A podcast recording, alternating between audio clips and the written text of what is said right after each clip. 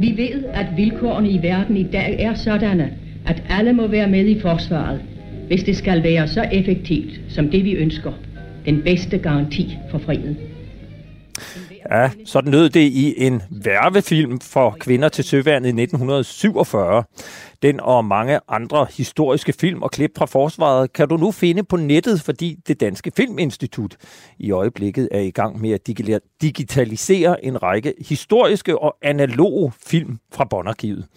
Det skal du høre mere om senere, ligesom vi også sætter fokus på den massive opbakning i den danske befolkning til, langt om længe, at øge forsvarsbudgettet til 2% af BNP, som vi har lovet NATO helt tilbage i 2014. Alt det og mere til handler frontlinjen her på Radio 4 om i dag. Mit navn er Peter Ernst ved Rasmussen. Velkommen til. Men vi begynder udsendelsen i Ukraine, hvor Ruslands krig nu har varet i over en måned. Mens kampene på jorden udvikler sig i et langsommere tempo end hidtil, tager de politiske forhandlinger til i styrke. I dag sidder repræsentanter fra henholdsvis Rusland og Ukraine ved forhandlingsbordet i Tyrkiet, og samtidig sker der til syneladende afgørende ændringer på begge sider af frontlinjen. De ukrainske soldater er begyndt at generobre tabt territorium i nord, mens russerne fortsat vinder frem, særligt i den sydlige del af landet. Samtidig har både de ukrainske og russiske forhandlingsledere gjort visse stille indrømmelser og tilnærmelser. Det helt store spørgsmål er naturligvis, hvor efterlader det Ukraine, og hvor efterlader det Rusland? Nu kan jeg byde velkommen til dig, Anna Libak, udlandsredaktør på Weekendavisen, og også velkommen til dig, Anders Puk Nielsen, militæranalytiker ved Forsvarsakademiet. I er jo nogle af de eksperter, vi hører Øh, rigtig mange steder i mange medier, og det er jo fordi, I ved noget. Og så her i det her program er der også det særlige, at I begge er uddannet sprogofficerer i russisk, og dermed også har et indgående kendskab til det danske forsvar. Jeg kunne godt tænke mig at lægge ud med dig, Anne Libak. Som man ser situationen lige nu, hvad er så Ruslands politiske mål, som de står her en måned inde i krigen? Øh, de er øh, præcis de samme, som, øh, som de var, da krigen startede, nemlig at øh, forvandle øh, Ukraine til en vasal stat, som, øh, som på, på alle, i alle væsentlige spørgsmål bliver nødt til at tage højde for den russiske øh, holdning. Det mål er ikke øh, opgivet, og jeg vil gerne advare mod at tro, at forskellige øh, frem- og tilbage slag på slagmarken ændrer noget som helst ved den overordnede, øh, den overordnede øh, prioritering. Fordi det vi jo ser, det er et land, der er ved at, øh, at blive smadret til ukendelighed. Og, øh, og det vi diskuterer, det er, hvor meget skal Putin have? Diskussionen går jo ikke øh, på, om øh, han skal trænges fuldstændig tilbage, også fra Donbass og Krim. Og det er klart, at hvis vores udgangspunkt er det, at Putin skal have noget mere end det, han allerede øh, har, og at han efterlader sig et sønderbumpet øh, land, jamen øh, så, så, så vil øh, det sandsynligt også være, at det lykkes ham at gøre Ukraine til en vasalstat. Men, men når vi så hører, at der er forhandlinger i gang, er det ikke et tegn på, at man fra russisk side et eller andet sted måske også er ved at erkende, at det politiske mål, man havde, det er man ved at skyde en hvid pil efter? Altså hvis man ser på, hvordan russerne historisk opfører sig øh, under øh, forhandlinger, så nej. Slet øh, ikke, vil jeg sige. Altså, øh, forhandlingerne øh, føres ikke mindst, fordi der hele tiden skal være håb, både hos ukrainerne og, øh, og Vesten om, at der kan nås en, øh, en, en fredelig løsning. For det er klart, at hvis man tror, der hele tiden er ved at være en forhandlingsløsning, øh, ja, så begynder man ikke at sende en masse kampfly og, og, øh, og kampvogne fra øh, vestlig side, og måske kan man også gøre sig håb om, at, øh, at, at ukrainerne øh, de, de kæmper øh, lidt mindre ildret øh, for sagen, selvom der ikke er noget, der, der, der tyder øh, på det. Men hvis jeg lige må sige en sidste ting, så er det, jeg vil bare sige, at når man vurderer det, så se på den fredsaftale, eller rettere våbenhvile, som blev forhandlet i forbindelse med krigen i Georgien i 2008, som blev formidlet af den franske præsident Sarkozy. Prøv at se på i dag, om Rusland respekterer den våbenhvile. Nej, det gør de ikke. Overhovedet ikke. OSCE, FN-missionen har ingen adgang til de områder. Rusland skulle trække sig tilbage. De har styrket deres stedværelse lige siden og anerkendt både Abkhazien og Sydossetien som selvstændige republikker. Så for, for Rusland, de hænger ikke på det, de aftaler ved forhandlingsbordet. Det er, øh, det, det er midlertidige taktiske øh, fægtninger. Er du enig, Anders Puk Nielsen, i, at øh, det politiske mål det er uforandret? Ja, det er jeg i virkeligheden, og, og, og hvis jeg skulle sige noget, så tror jeg måske sådan en, en plan B kunne være, at russerne kunne stille sig tilfredse med at få halvdelen af Ukraine som sådan en vasalstat. Nu har der været de seneste par dage snak om, øh, hvorvidt øh, man kunne forestille sig sådan et øh, Nord-Sydkorea-scenarie. Og, og det tror jeg måske godt, man fra russisk side ville kunne leve med, sådan lave et, et øst- og et vest-Ukraine, så de allermest irriterende øh, vestligt sindede ukrainer, de kunne få lov til at få sådan et vest-Ukraine, så længe der var et, et øst-Ukraine, som, som Rusland så kunne få som vasalstat og som, som militær bufferzone øh, Financial Times skriver, at det nuværende udkast til en våbenhvile øh, overhovedet ikke handler om afnazificering eller afmilitarisering af Ukraine, som jo ellers var to af de mål, som Putin selv satte op i krigens begyndelse. Kan vi læse noget som helst ud af det? Nej, altså jeg synes, det, det, det er svært, fordi øh, det, der er det helt store problem, det er, at der er så himmelvid forskel på, hvad der er Ruslands politiske mål, og så hvordan det rent faktisk går militært på, øh, på slagmarken. Og det vil sige, at vi kommer ud i sådan noget med, at der måske er, er en forskel på, hvad man egentlig godt kunne tænke sig, og hvad man har kapacitet til. Øhm, men så længe der er så stor forskel på det, så længe der ikke er en anerkendelse i Moskva af, at øh, der, der er nogle militære realiteter også, så kommer krigen jo ikke til at fortsætte, eller til at stoppe, så kommer krigen bare til at fortsætte. Ja, så bliver det jo en, en udmattelseskrig. Altså det, der igen er tale om, det er, at vi, tag, vi, vi når, når vi fremholder det som en sejr, at, øh, at ukrainerne forstår, øh, formår at stoppe Rusland og forhindre Rusland i at sætte sig på hele øh, Ukraine, så er det et spørgsmål om, hvor stor en, en sejr er det egentlig, hvis vi ser det i lidt længere perspektiv. For at det skulle være en regulær sejr for ukrainerne, så skulle øh, russerne jo ikke alene forhindres i at tage Ukraine. De skulle decideret tvinges til at afgive det territorium, de allerede har taget. Der skulle være så stor en offensiv, at de blev trængt tilbage, ikke bare en enkelt øh, forstad til Kiev, Irpin, men decideret helt ud af Ukraine. Det ville være en en, en sejr. Fordi ellers så er du jo i en situation, hvor Ukraine er voldsomt svækket i forhold til det, der, øh, der var øh, ved krigens start. Ikke? Hvis vi så lige kigger på de militære mål, øh, Anders, øh, efter din bedste vurdering, hvad var målet fra begyndelsen? Altså målet fra begyndelsen, det var øh, sådan en øh, hybridoperation, hvor man med nogle ganske enkelte nålestiksoperationer øh, skulle ind og prikke til øh, det ukrainske samfund, som så skulle øh, styre det sammen. Øh, forsvarsviljen skulle falde sammen, der skulle komme en form for modrevolution til, øh, til Majdan, øh, så Zelensky ville blive væltet. Øh, det var jo målet de første par dage.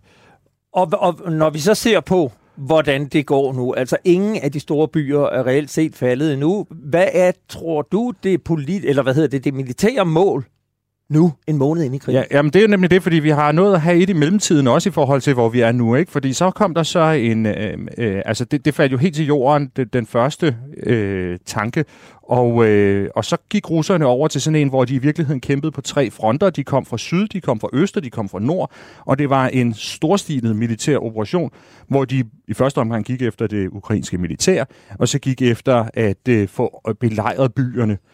Øh, og det gik jo så faktisk heller ikke særlig godt for dem. Altså, øh, det, det er gået sådan øh, okay måske i noget i, omkring syd og over omkring Donbass, men i det nordlige Ukraine er det jo været et kæmpe fiasko, og de har ikke været i stand til for eksempel at, at, at belejre Kiev.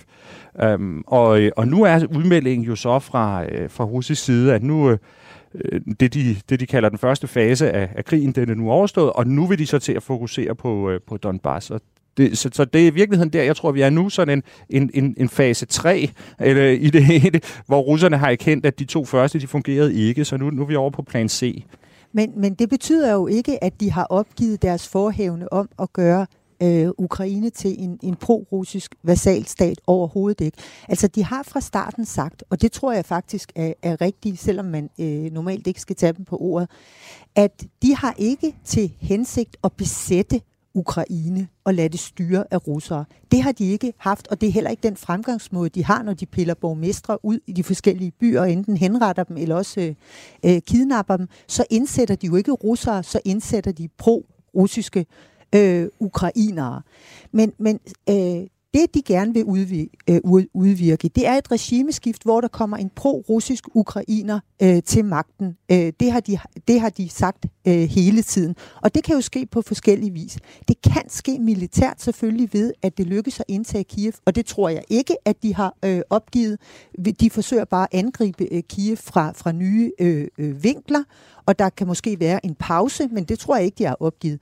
Men selv hvis de opgiver det øh, på et tidspunkt, så tror jeg, at det Putin i stedet vil satse på, det er at svække landet i en grad, så befolkningen, og så måske indgå en ydmygende separat fred med Zelensky, der vil gøre, at befolkningen vil ende med at give ham øh, skylden for, at Ukraine er blevet totalt smadret under øh, hans ledelse, og så får du en pro-russisk ukrainer til magten alligevel. På den ene eller den anden måde vil russerne sikre, at det sker, med mindre ukrainerne får kampkraft nok til at trænge russerne helt ud af Ukraine.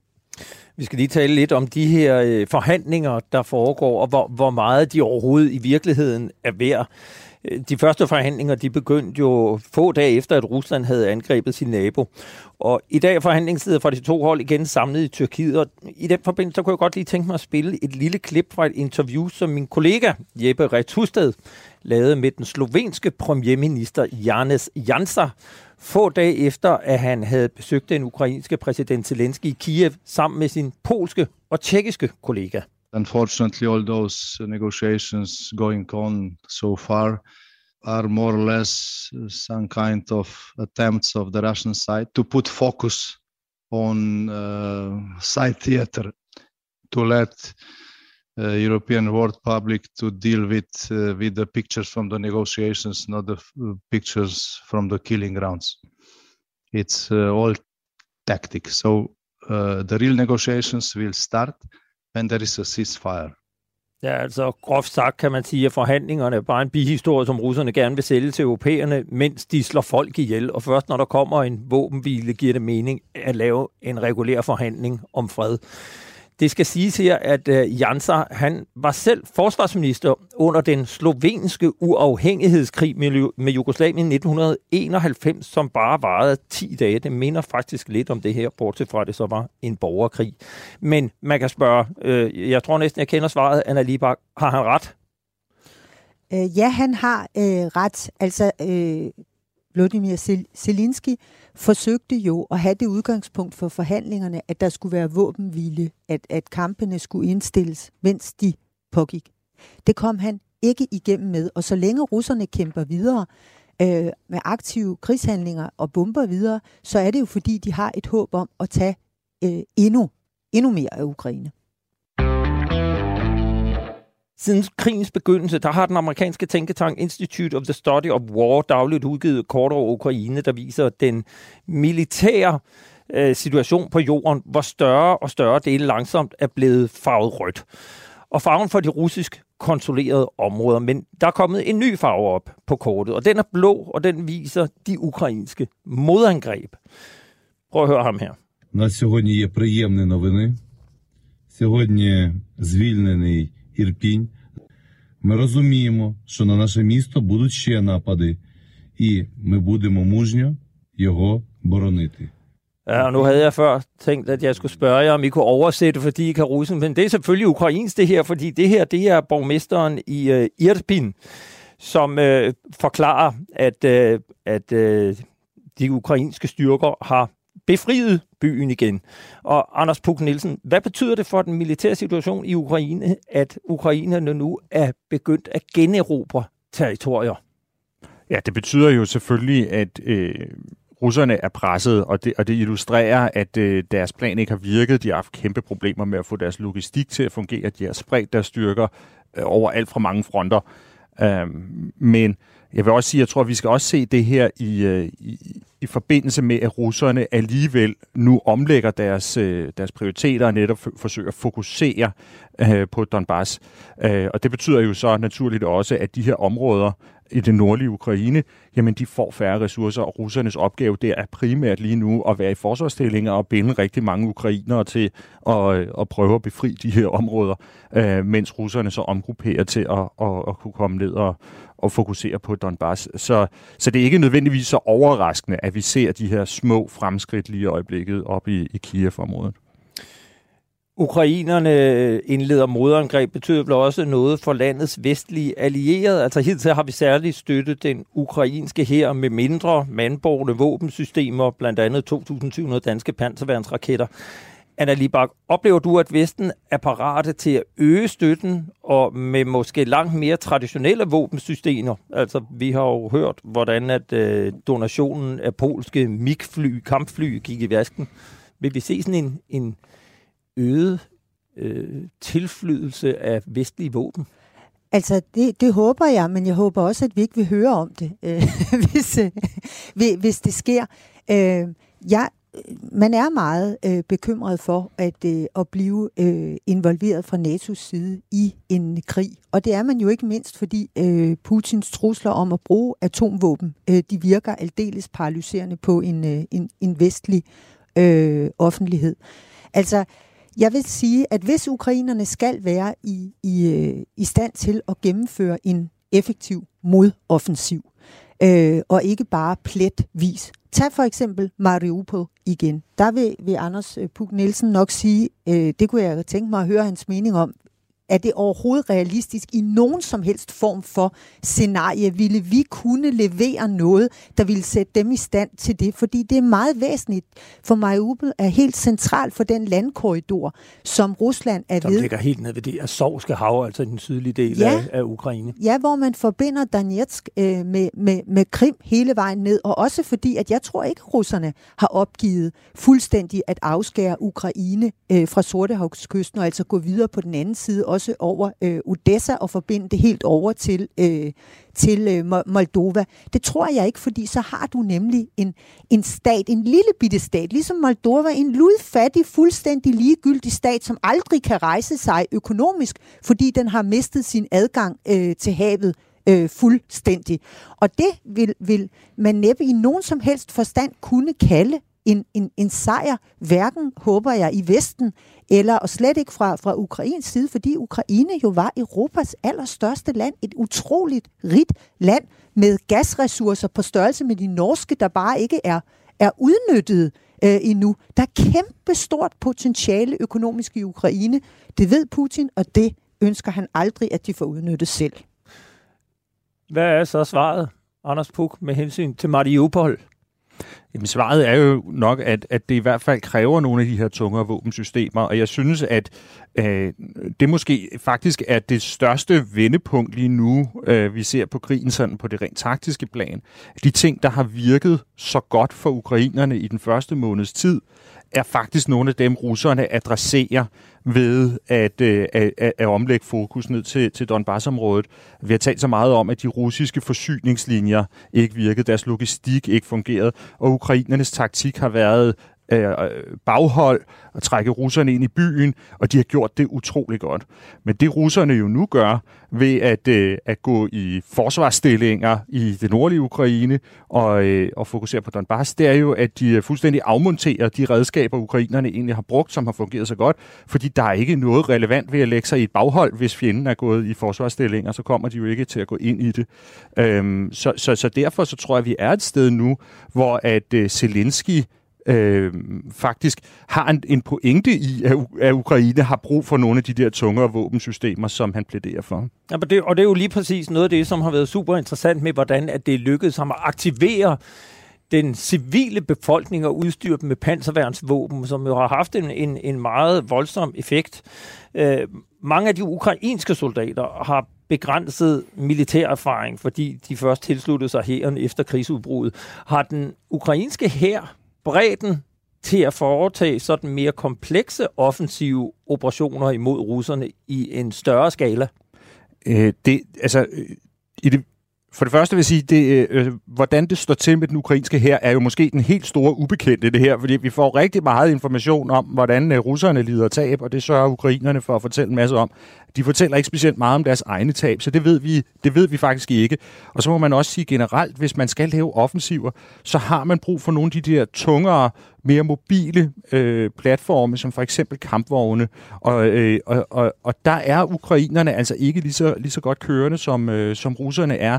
Øh, så om de rent faktisk har kapaciteten til at kunne lave modoffensiver decideret, det, det vil jeg godt stille, mig spørgsmål, øh, stille spørgsmålstegn ved. I søndags, der gav øh, præsident Zelensky et langt interview til fem uafhængige russiske journalister.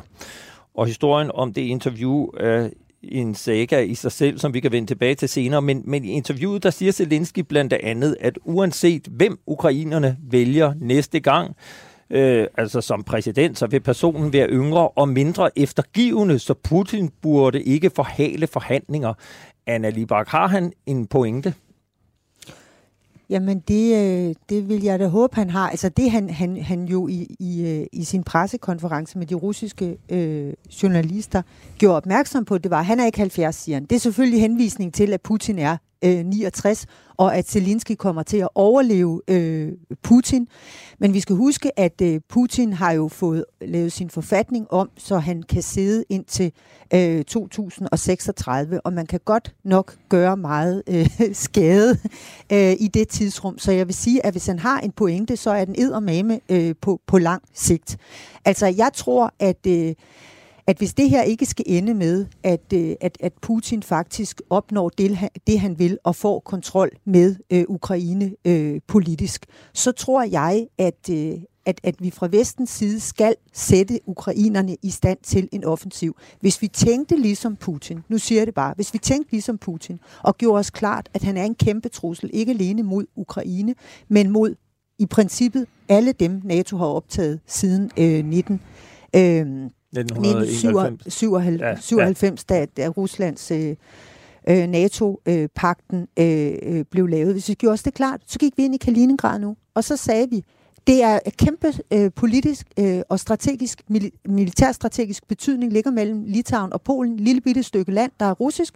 Så tog vi det, og så sagde vi, okay, vi foreslår et landswap. Øh, altså, det der er, det er, I siger, Donbass er russisk. Vi vil gerne gøre opmærksom på, at Kaliningrad, det er Königsberg. Før, det har ikke en klap med jer at gøre, Immanuel Kant. Det er, han gik rundt der, han forlod det aldrig. Det er fundamentet for den vestlige filosofiske tradition. Det er vores. Men vi bytter gerne. Vi bytter gerne, hvis lige over. Du åbnede en ny front. Altså det, der skal til, det er, at du presser Putin, og ikke bare stiller dig tilfreds med, at han ikke når sine mål du, du skal, du, du, for det han gør, det er, at han tænker hele tiden i nye måder at presse Vesten på. Vi hører nu, at en ny flygtningestrøm er undervejs. Lukashenko, Putins tro væbner, er nu igen I gået, ja, i Belarus, er nu igen gået i gang med at sende flygtningestrøm fra Mellemøsten mod Polen. Det har de tænkt sig at opdyrke igen, fordi lige nu, der er grænserne jo åbne i Polen. Vi, vi, vi, vi øh, millioner af ukrainere er strømmet ind og nu får de så selskab af mellemøstlige flygtninge. Hvis vi vil stanse det, så skal vi til at tænke på en helt anden og mere offensiv måde. Deler du den opfattelse? Jeg, jeg, vil, sige, jeg, jeg vil sige det sådan, øh, vi er jo inde i en langsigtet øh, konkurrence med Rusland også. Og Rusland kommer, det er min analyse af det her, kommer på et eller andet tidspunkt til at kollapse igen på samme måde, som Sovjetunionen gjorde. Øh, så spørgsmålet er, om jeg er helt lige så øh, pessimistisk omkring de der tidsperspektiver, som Anna Libak er, fordi jeg tror, vi også skal til at tænke på, hvordan vi kommer til at håndtere det kollaps, som der kommer i Rusland på et tidspunkt. Du lytter til frontlinjen, og jeg har her besøg af Anders Puk Nielsen, militæranalytiker ved Forsvarsakademiet og Anna Libak, udlandsredaktør på Weekendavisen. Vi indledte med at tale om de russiske mål med krigen i Ukraine, men der var en ting, som vi ikke gik rigtig dybt med, og det er den russiske krigsvilje, altså simpelthen viljen til at fortsætte krigen, selvom den ikke går helt som planlagt. Anna Libak, har du set en eneste ændring i den russiske vilje til at holde krigen i gang i løbet af den seneste måned? Nej, øh, det har jeg ikke. Altså man skal være opmærksom på, at Putins yndlingsfilosof, han hedder øh, Lev øh, Gumilyov, og han er søn af, øh, eller var søn øh, af øh, Anna Akhmatova og Nikolaj Gumilyov, der er to store russiske digtere. Og han udviklede et begreb om passionarnost. Og Putin har sagt ved flere lejligheder, jeg tror på teorien om passionarnost. Og det er? Jamen, altså, det er øh, vilje. Men mange siger, at det, det i virkeligheden dækker, dækker over, det er viljen eller kapaciteten til lidelse. Kapaciteten til at lide. Og det, der er teorien, det er, at Rusland er førende i det. At de har en større vilje til at lide, end, øh, end Vesten har. Og at øh, det derfor kun er en udmattelseskrig, og det er kun et spørgsmål øh, om, hvor store omkostninger, der skal påføres Vesten, før vi, vi giver os. Øh, det, det, øh, det er en, øh, en, en, en, et begreb, som Putin han, øh, han sværger til, og det vi kan se i dit, det, der er sket under, øh, under Putin, det er, at lidelserne i forbindelse med 2. verdenskrig, som russerne kalder den store fædrelandskrig, fordi de jo privatiserer den, øh, lidelserne, det er blevet grundstammen i den russiske selvopfattelse. Den russiske identitet 2. verdenskrig er simpelthen, og de lidelser, den påførte, er blevet øh, grundstammen i en russiske identitet. Så det, han siger til folk, det er, en rigtig russer, det er en, der lider. Og det giver jo nok et vist potentiale for at holde ud i forbindelse med krig. Anders Puk, øh, Ruslands vilje i krigen er også et spørgsmål om, hvorvidt de kan klare krigen i længden. Altså kan de russiske styrker opretholde deres nuværende indsats? Jeg synes, det er svært at se, og jeg synes også, det er vigtigt at have for øje, at Putin er gået ind i den her krig med et forkert billede af, hvad kapaciteterne var, og hvordan realiteterne var på landjorden. Og, øh, og, og på en eller anden måde, så er krigen jo også et realitetstjek.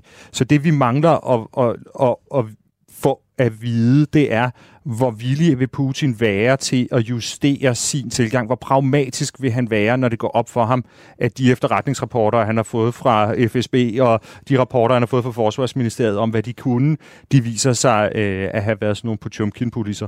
Øh, så så det, det, bliver, det bliver interessant at se, om han vil være pragmatisk, eller om han vil fortsætte med at være lige så stålsat og bare sende den ene russer ind i Ukraine efter den anden. Altså, jeg vil sige, jeg er meget øh, enig i det i den forstand, at man skal ikke tro, at jeg står her og siger, at han helmer ikke, øh, før at hele Ukraine er indtaget. Det jeg siger, det er, at jeg kan sagtens forestille mig, at det her på det korte sigt ender med en separat fred, men jo kun for, at han om to år igen vil forsøge sig i Ukraine eller et andet sted. Altså det, man skal forstå, det er, at manden tænker langsigtet. Han tænker i forhold til 2036, at inden det tidspunkt, der skal han have genrejst det russiske imperium i al sin magt og vælde. Og det behøver man ikke at øh, have nogen holdning til Putin for at tro. Man kan bare læse hans krav til NATO og USA, der gik forud for denne krig. Der står det sort på hvidt, det her er, hvad jeg vil have. Er du enig i det, Anders Buk?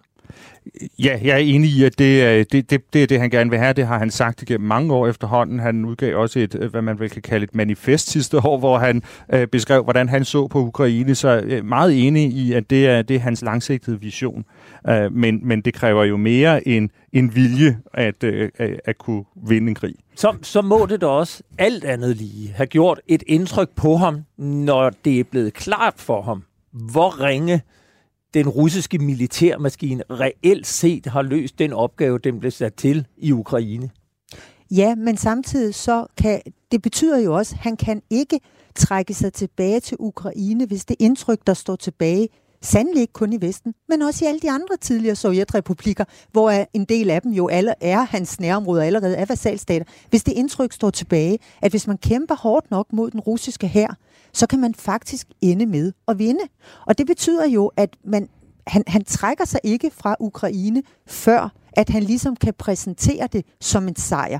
Og i halvdelen af Ukraine vil absolut øh, være en sejr, for det er det samme som at have gjort hele Ukraine til russisk øh, øh, indflydelsesområde. Øh, Men man skal også huske på, hvorfor en anden bag, øh, bagvedliggende årsag til, at Putin gør, som han gør, for det siger han også selv i sine taler, det er, at han tror, at verdensordenen er skiftet, sådan så det nu kan lade sig gøre at etablere et parallelt system sammen med Kina, Indien, Brasilien, Pakistan, jamen altså Afrika, ja faktisk hele Latinamerika, det meste af Mellemøsten, som jo ikke er gået ind og har fordømt angrebet på Ukraine.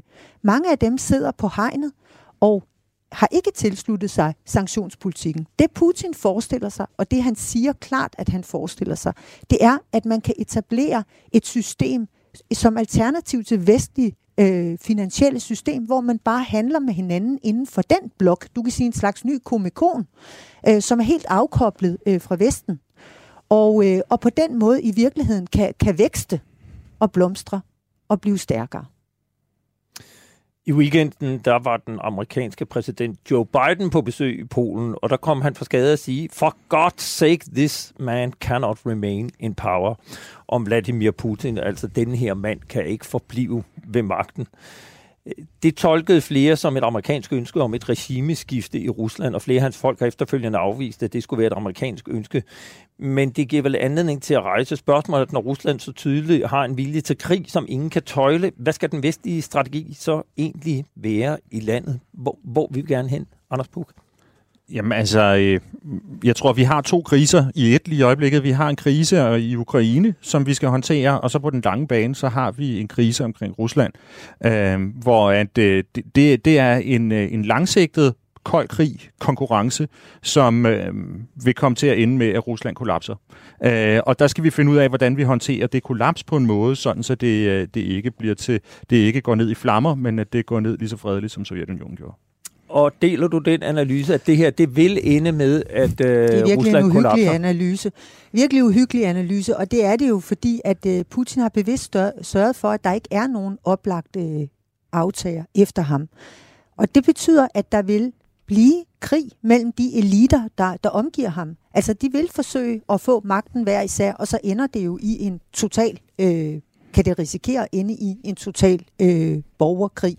Og jeg vil gerne have, at vi forbereder os på det, men jeg må indrømme, når jeg er siger, vanskelig. altså en intern russisk borgerkrig? Hvis Putin falder, så ja. For der er ikke nogen oplagt aftager. Der vil opstå et enormt magtvakuum. Hele øh, offentligheden er orienteret om ham.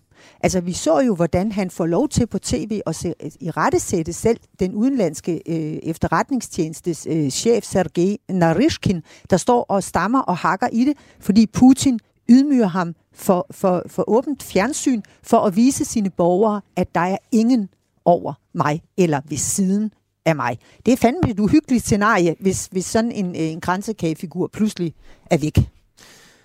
Det bliver, hvad vi nåede denne her omgang. Jeg er helt sikker på, at vi kommer til at tale mere om Putin og det Rusland, øh, der kommer til at være efter denne her krig, hvor længe den end måtte vare. Tusind tak, fordi I kom, begge to. Anna Libak, udlandsredaktør på Weekendavisen, og Anders Puk Nielsen, militæranalytiker på Forsvarsakademiet. Du lytter i øjeblikket til frontlinjen her på Radio 4. Mit navn er Peter Ernst ved Rasmussen, og nu skal vi videre til noget, der på bare fire uger har ændret sig fra nærmest folkelig ligegyldighed til en ny national folkesag. Vi har på Forsvarsmediet Olfi i sidste uge fået Analyseinstituttet Norstat, Analyse Danmark, til at gennemføre en meningsmåling, som viser, at hele 69 procent af den danske befolkning mener, at vi skal hæve forsvarsbudgettet med 18 milliarder kroner om året til 2 procent af BNP.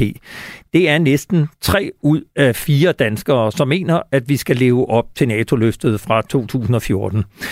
Bag det tal gemmer sig noget af et holdningsskifte, da Danmarks Radio i 2018 stillede nøjagtigt det samme spørgsmål, mente kun 40 procent, at Danmark skulle bruge 2 procent af BNP på forsvaret. Du kan byde velkommen til dig, Christian Brøndum, pensionist. Du var i en menneskealder forsvarsjournalist på Berlingske og i 2018 forfatter til bogen Frihedens Pris, så lav som muligt. En bog, du skrev sammen med Jens Ringsmose fra Syddansk Universitet. Kort fortalt, der konkluderer I, at Danmark altid har forsøgt at slippe afsted med at bruge så få penge som muligt på forsvaret. Så jeg kunne indledningsvis spørge dig, hvad er din forklaring på, at holdningen på bare fire år er skiftet fra 40 procent til næsten 70 procent af befolkningen, som mener, at vi skal bruge 2 procent af BNP på forsvar? Jamen, øh, jeg tror, at folk er blevet forskrækket, kort og godt. Øh, altså rigtig forskrækket på en måde og øh, på et niveau, som vi ikke har set øh, siden øh, afslutningen af 2. verdenskrig i virkeligheden. Altså det her, det her der er sket i, i Ukraine, det, det øh, øh, har ramt både vælgere og, politikere altså på en, en meget, meget stærk måde, som, som gør altså, at villigheden til at bruge penge på forsvaret pludselig har ændret sig som et trylleslag. Jeg kan også byde velkommen til dig, Thomas Larsen. Du er tidligere kollega med Christian Brøndum på Berlinsk, og i dag så er du politisk redaktør her på Radio 4. Så kunne man jo friste til at sige, må ikke årsagen til holdningsskiftet bunder i, at vi gennem halvandet år har sendt frontlinjen her på Radio 4 og dermed uddannet befolkningen i vigtigheden af at have et effektivt og robust forsvar. Jeg er ikke sikker på, at du deler analysen, men den seneste måling, som altså viser 70 procents opbakning til at bruge 2 procent af BNP på forsvaret, den er lavet efter, at de fem partier, eller fem partier i Folketinget besluttede netop det. Støtter befolkningen blot, hvad politikerne beslutter, eller er det i virkeligheden politikerne, der nu følger med et markant holdningsskifte i befolkningen? Jamen, jeg tror, det er en øh, parallel situation, vi er vidne til. Jeg tror, det er både altså, kan vi sige, politikerne, de øh, centrale minister øh, og, og, og, og partiledere, der, der, der flytter sig sammen her, men de flytter sig også sammen med befolkningen. Og jeg er jo fuldstændig enig med, med, med Christian Brøndum, at det, som øh, rigtig mange mennesker jo er vågnet op til, det er øh, en ny virkelighed. Det er chokket over at se øh, krig midt i Europa. Det er chokket over at se tv-billederne øh, Øh, der viser, hvordan øh, de russiske angrebsstyrker tæppebomber øh, byområder i Ukraine og altså også rammer øh, civilbefolkningen øh, meget, meget hårdt. Og det er klart, de her billeder øh, gør jo, at øh, folk de øh, flytter rundt på deres holdninger, og i løbet af meget kort tid øh, har indset, at øh, vi bliver nødt til at styrke vores øh, forsvar nationalt, men i virkeligheden altså også sørge for, at NATO som fælles øh, enhed og paraply bliver, bliver styrket. Så jeg tror virkelig, det er altså en, øh, det er en meget stor bevægelse, der er sat i, i gang, og som jo også har betydet i, i dansk politik, hvis vi fokuserer ind på det, at forsvar og sikkerhedspolitik simpelthen er røget helt ind i centrum, helt ind i hjertet af dansk øh, politik. Og det er altså relativt usædvanligt, og det ser sådan ud. Øh, jeg kunne bare lige, godt lige tænke mig også at spørge, hvad er, hvad er det anderledes i forhold til, vi så Putin gøre i Grozny der i 99, hvor han jo også jævnede byen med jorden, og så kan man sige, at han gik ind i Georgien i 2008. Han annekterede Krim og indledte en også voldsom krig i Donbass i 2014. Hvorfor bliver det så voldsomt lige nu, Brøndum? Ja, øh, jeg tror simpelthen, at det man taler meget om det her med nærheden, ikke? Altså, og skalaen. Altså, der er trods alt forskel på at snuppe et par fattige områder i Georgien tilbage i 2008, hvor håbet om en forståelse med Rusland, et samarbejde, Rusland stadig levede i, øh, i Vesteuropa og i NATO. Øh, man gjorde alt, hvad man kunne for at trække russerne ind i et samarbejde med NATO dengang. Øh, og så øh, de her øh, russisktalende, måske også russisk sindede østligste dele af Ukraine, så man vel også på med en vis grad af accept, at det blev overtaget af, af, af, af Rusland, eller domineret af Rusland. Men det her, der foregår i Ukraine nu, det er altså på en helt anden skala. Og jeg kom til at tænke på øh, den eneste anden øh, sådan historiske øh, øh, sammenlignelige tilfælde, jeg kan komme i tanke om, det var vel tilbage i 48, hvor Danmark endnu ikke var blevet medlem af NATO, men hvor man frygtede, øh, at øh, russerne ville komme. Man havde lige set russerne begå et kup i Prag, hvor den, øh, øh, øh hvor Prag, den tjekkiske udenrigsminister, Marsa Ryg, var røget ud af et vindue i, i sit præsidentslot øh, dernede i, i Prag, og i øvrigt huskede at lukke vinduet efter sig, da, da han faldt. Det, rejste jo tanken, den mistanke, at han nok var blevet skubbet ud af, af vinduet. Men det, det skabte altså en, en frygt for, at det samme kunne ske i Danmark, og øh, det førte, det var den direkte anledning til, at, at Danmark året efter under Hans Hedtoft, øh, den socialdemokratiske statsminister, besøgte optagelse som et af de founding uh, uh, nations i, NATO. Men, men så... Og, øh, og så steg i øvrigt forsvarsudgifterne ganske gevaldigt, hvis man kigger på, på, på tallene fra dengang. Det var det nærmest en lodret bevægelse opad. Men, men hvis, hvis man så ser på forsvarsudgifterne, så har de jo gået op og ned øh, hen over de seneste 70 år, også med vores medlemskab i, i, i NATO, øh, Thomas Larsen. Øh, Tror du, at opbakningen den siver igen om nogle måneder og år, når krigen formentlig på et eller andet tidspunkt øh, slutter? Det er virkelig et uh, svært spørgsmål at, at, at, at svare på. Altså, det er klart umiddelbart, når du ser på dansk politik, sådan som Christian Brøndrum og jeg har gjort gennem mange år, så vil du også være vidne om, at uh, dagsordnerne har det med at skifte temmelig uh, markant, og det er heller ikke altid, at uh, politikerne er i stand til at have det her lange strategiske blik, og derfor kunne man jo godt forestille sig, at der virkelig er et på kort sigt og et på lang sigt i den her proces. På kort sigt, det vil sige her og nu, der er der en enorm politisk politisk og folkelig opbakning til, at vi skal styrke forsvaret, og vi ligesom skulle kunne danne en front mod Putins Rusland. Men på længere sigt, altså hvis vi netop får en mere fredelig situation igen, ved den stålsatte opbakning til at styrke forsvaret, ved den så var vi, det er et godt øh, spørgsmål. Jeg tror, at der bliver sådan nogle, nogle øh, altså der er flere ting, øh, der kommer til at, at, at spille ind. Jeg tror, det bliver ret afgørende, hvordan den her nye kreds af partier, der er indstillet på at styrke forsvaret, altså hvor godt de vil stå sammen sammen, og hvor dygtige de vil være til at fortælle om de sikkerhedspolitiske trusler, som øh, Danmark og, og øh, Vesten står for i de kommende år. Og så tror jeg også, der er rigtig meget, der kommer til at afhænge af, hvad der sker, kan man sige, sådan på den store mm. globale mm. scene, altså hvor stor en trussel bliver øh, Kina, hvor meget vil USA begynde at orientere sig mod Kina, og så også, skal vi sige, forlange, at vi netop i Europa tager vores egen sikkerhed helt anderledes alvorligt. Det tror jeg er nogle af de faktorer, der vil vil øh, betyde eller afgøre, om, øh, om, om der også vil være folkelig støtte til over en længere årrække virkelig at booste det danske forsvar. Øh, forsvarsbudgetterne og den politiske opbakning af forsvaret er jo gået op og ned gennem årene. Er, er der nogen fællestræk for de perioder, hvor forsvarsviljen er vokset, Christian Brøndum? Altså, der er i hvert fald det fællestræk, at øh, der har været perioder, hvor amerikanerne har lagt et, et øh, voldsommere pres på at også Danmark skulle levere til det fælles forsvar, end de har gjort i andre perioder. Øh, det er sådan, øh, det er jo også det, vi har, har vil sige, pointeret gennem den bog, vi skrev, Ringsmose og jeg, øh, at øh, det her øh, for Danmarks vedkommende handlede forsvarsudgifterne ikke så meget om, hvordan truslerne var derude, altså øh, øh hvad ville russerne, hvad kunne russerne. Det handlede om, hvor, hvor billigt kunne vi slippe afsted med vores øh, kontingent til NATO, i forhold til det, amerikanerne krævede af os. Det har været det helt gennemgående. Og så er der en ting mere, jeg godt vil nævne, fordi jeg er måske en anelse mere pessimistisk øh, om forsvarsviljen på det lidt længere sigt.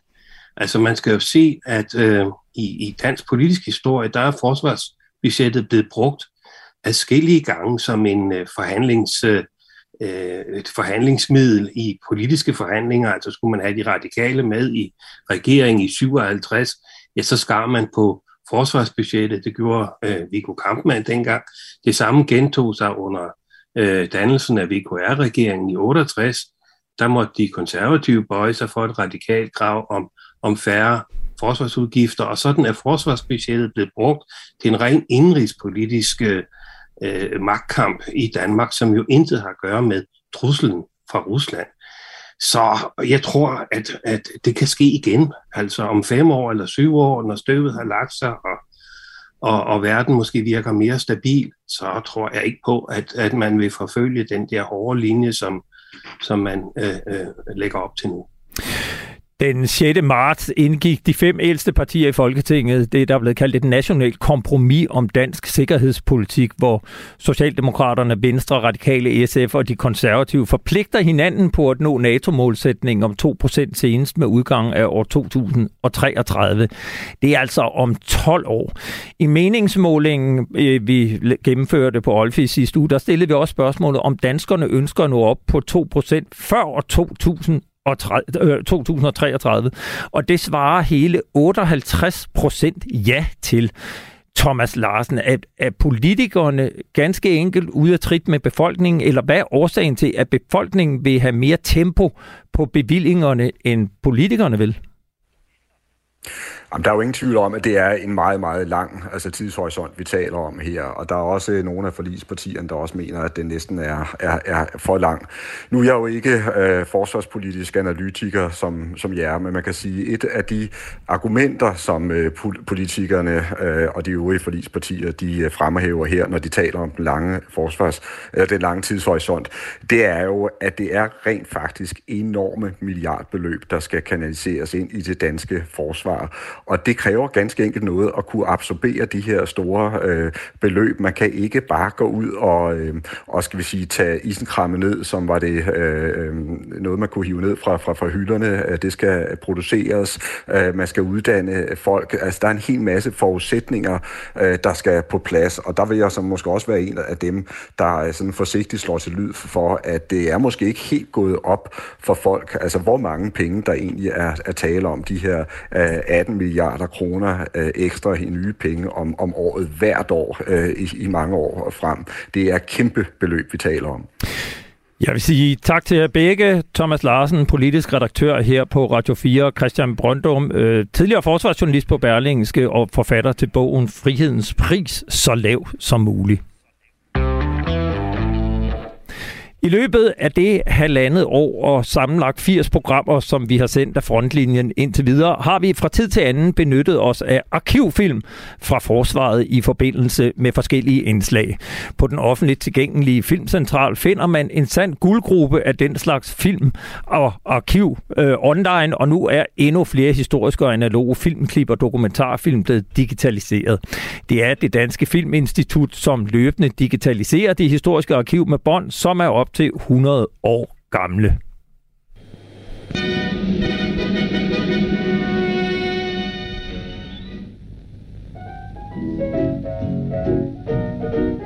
Vi ved, at vilkårene i verden i dag er sådanne, at alle må være med i forsvaret, hvis det skal være så effektivt som det vi ønsker. Den bedste garanti for freden. En hver må finde sin plads, mænd som kvinder.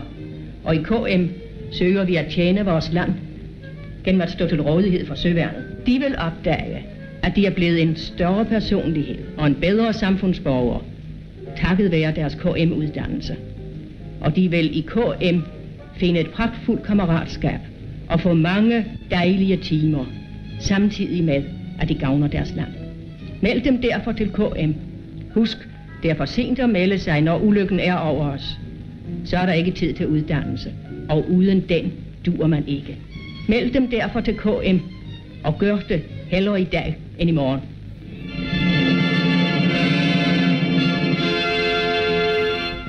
Ja, sådan lød det øh, med en værvefilm om kvindelige mariner. Nu kan jeg byde velkommen til dig, Lisbeth Richter Larsen, redaktør for Danmark øh, på film under det danske filminstitut. Og jeg er selv sådan ret vild med denne her nyarkiverede værvefilm fra de kvindelige mariner fra 1947. Der vil tale om en reklamefilm, eller hvad? Ja, altså det er en værvefilm, som øh, Søværnet har sendt ud. Den er et minut lang, så den er det, vi hører i det her klip. Øh, og marinen appellerer jo her til kvinder øh, for at få dem ind i Søværnet. Træningen er i fuld gang. Øh, forsvaret skal være den bedste garanti for fred, og der er brug for alle. Og vi ser jo billeder af kammeratskab og en kvinde, der lærer at køre på motorcykel og den slags. Øhm, og faktisk, så kan jeg sige om den her, at den findes i en noget mere udfoldet version. Den findes i en 14 øh, minutter lang version, der hedder Piger i blåt, hvor man får lidt mere at vide om, hvad den her uddannelse for kvindelige mariner går ud på. Øh, man kan sige, et af de sjove elementer i den her værvefilm, det er, at alle de overordnede, de mænd, selv i de kvindelige marinere, Ja. Hvor, hvor, hvor meget kan man sige om, øh, om kvindernes rolle i forsvaret dengang, og hvor meget man prøvede at motivere og promovere kvinder i forsvaret? Jeg synes, når man ser, nu sad jeg og så piger i blåt her i formiddags for at forberede mig til det her, jeg, jeg synes, man ser jo, at man appellerer til, at kvinderne kan få helt særlige skills ved at melde sig øh, som kvindelige mariner. De bliver uddannet i alt muligt, og de får kørekort, og de lærer at læse søkort, og de ror i fællesskab, og de træner i fællesskab, så man tilbyder dem jo en uddannelse, som de kan bruge bredere, og så det her tjene dit land og støtte vores værdier og alt det, der følger med. Så på den måde, ja, propaganda og værvefilm. Ikke? Øh, mange af filmene her om forsvaret, de er blevet produceret noget, der hedder Statens Filmcentral. Det er jo i hvert fald det, det ligger. Øh, øh, hvordan brugte man film dengang, altså i 1947? Jamen, Statens Filmcentral var jo et statsligt organ, der dels altså støttede øh, filmproduktion af den her type oplysningsfilm, men jo i høj grad distribuerede dem øh, forud for Statens Filmcentral. Og, og hvor blev de distribueret? Jamen, de blev vist øh, som forfilm øh, til spillefilm i biograferne, og der kom de jo rigtig, rigtig stort ud. Der kunne de jo blive set af flere hundredtusind mennesker, og så blev de sendt ud til øh, biblioteker. Man kunne bestille film, legefilm hos Statens Filmcentral, så der kørte de her 16 mm ruller ud til øh, biblioteker, og, og foreninger, så skoler. Et, et apparat øh, med hjem, så man kunne se det hjemme, eller hvad? Nej, ikke hjemme. Det var ikke til hjemmebrug. Det var netop i foreninger, i skoleundervisning, på biblioteker, så der, der erhvervede de her øh, institutioner sig efterhånden apparater, men staten støttede faktisk også køb af apparater. Og det er jo en, et hav af oplysningsfilm om alt muligt, der ryger ud. Det er jo landbrug, det er kornsnudebiller i kornet, det er syge, syge øh, helse, det er vaccinationsprogrammer, det er trafik især, ikke færdselpropaganda, det nu, kender vi jo alle sammen. Og, og, og nu siger du selv propaganda. Var det propaganda? Ja, det er jo propaganda, når man vil have nogen til at gøre noget på en bestemt måde, eller gøre noget andet, end de gør i forvejen. Hvis du skal have en hel befolkning til at gå hen og lade sig vaccinere mod difteri, så, så er det jo slagkraftig propaganda for at få det til at ske, hvor du skræmmer med grafer over, hvor syge vi bliver osv. osv. smitte. Så med de her værvefilm, det er jo også propaganda. I dag betaler forsvaret sig jo for at få sine reklamer set gennem Facebook og YouTube og, og alle mulige andre sociale medier. Hvordan kunne man dengang sådan i gåsøjne tvinge danskerne til at se reklamefilm?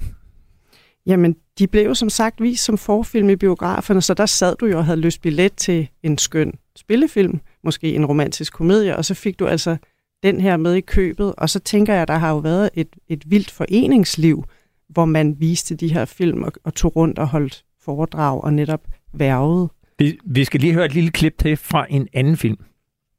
Første deling øver gruppens stillingsindtagelse. Anden deling øver gruppens ildåbning. Tredje deling øver gravning af tomands skyttehul. Nogle spørgsmål? Tak. Tredje. Igen en ny dag, og med den fortsætter den danske her sit arbejde. Et arbejde, der aldrig ligger stille. Nej, der bliver ikke stillet nogen spørgsmål. I det hele taget så står alle på rækker om at sige tak til filmen, som også er lavet af Statens Filmcentral, som vi talte om tidligere, Lisbeth Richter Larsen. Hvad er det for nogle virkemidler, der bliver taget i brug for at få budskabet frem? Jamen, den her film, du lige har spillet et lydklip fra, den hedder jo Hæren i arbejde og er fra 1961. Og den, altså, den indleder jo meget fint med, at kameraet zoomer ind på et vindue på kasernen. Vi kommer ind på sovesalen. Der ligger en masse unge rødkindede drenge og sover deres sødeste søvn. Øhm, og, og så hører man på lydsiden sådan drømmesentenser, sådan, jeg vil have sergeant, øh, ikke forstået have sergeant, og det er både på, sagt på jysk og fynsk, det er faktisk ret sjovt. Og de her bløde drengede ansigter i tryksøvn, de skal simpelthen blive til mænd. Og det er det, der foregår her i hæren. Vi, vi skal lige nå et lille klip mere, fordi jeg startede med det her klip fra Kvinden i Mariner, som altså ligger på øh, Arkivet Danmark på film. Men lad os lige slutte med en film, der ikke ligger der endnu.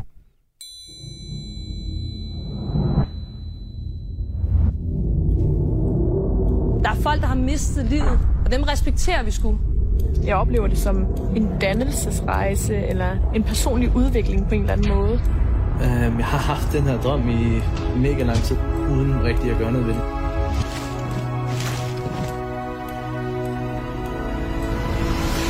Ja, det her det er en af forsvarets værvevideoer fra sidste år, og noget mere opbeat. Hvis man ser nogle af de andre, så er der også lidt mere rytme og sådan noget. Og, og der er en langt mere udfordrende kameraføring, men i virkeligheden er det vel det samme budskab som i 47, altså gør noget godt for dig selv og gør noget for fællesskabet.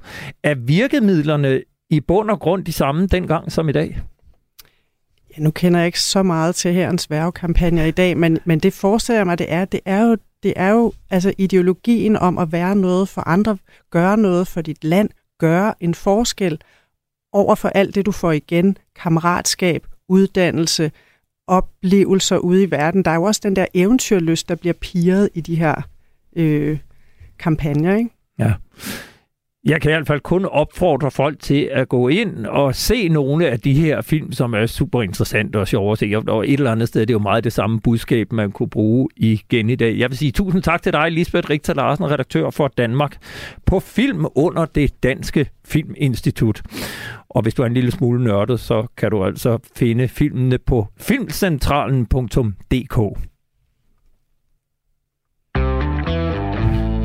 Det var, hvad vi nåede i denne udgave af Frontlinjen her på Radio 4. Programmet blev lavet i samarbejde med journalist Jeppe Rets Husted. Har du ris eller ros eller gode idéer til emner, vi bør tage op, så kan du kontakte os på frontlinjen snablag radio4.dk.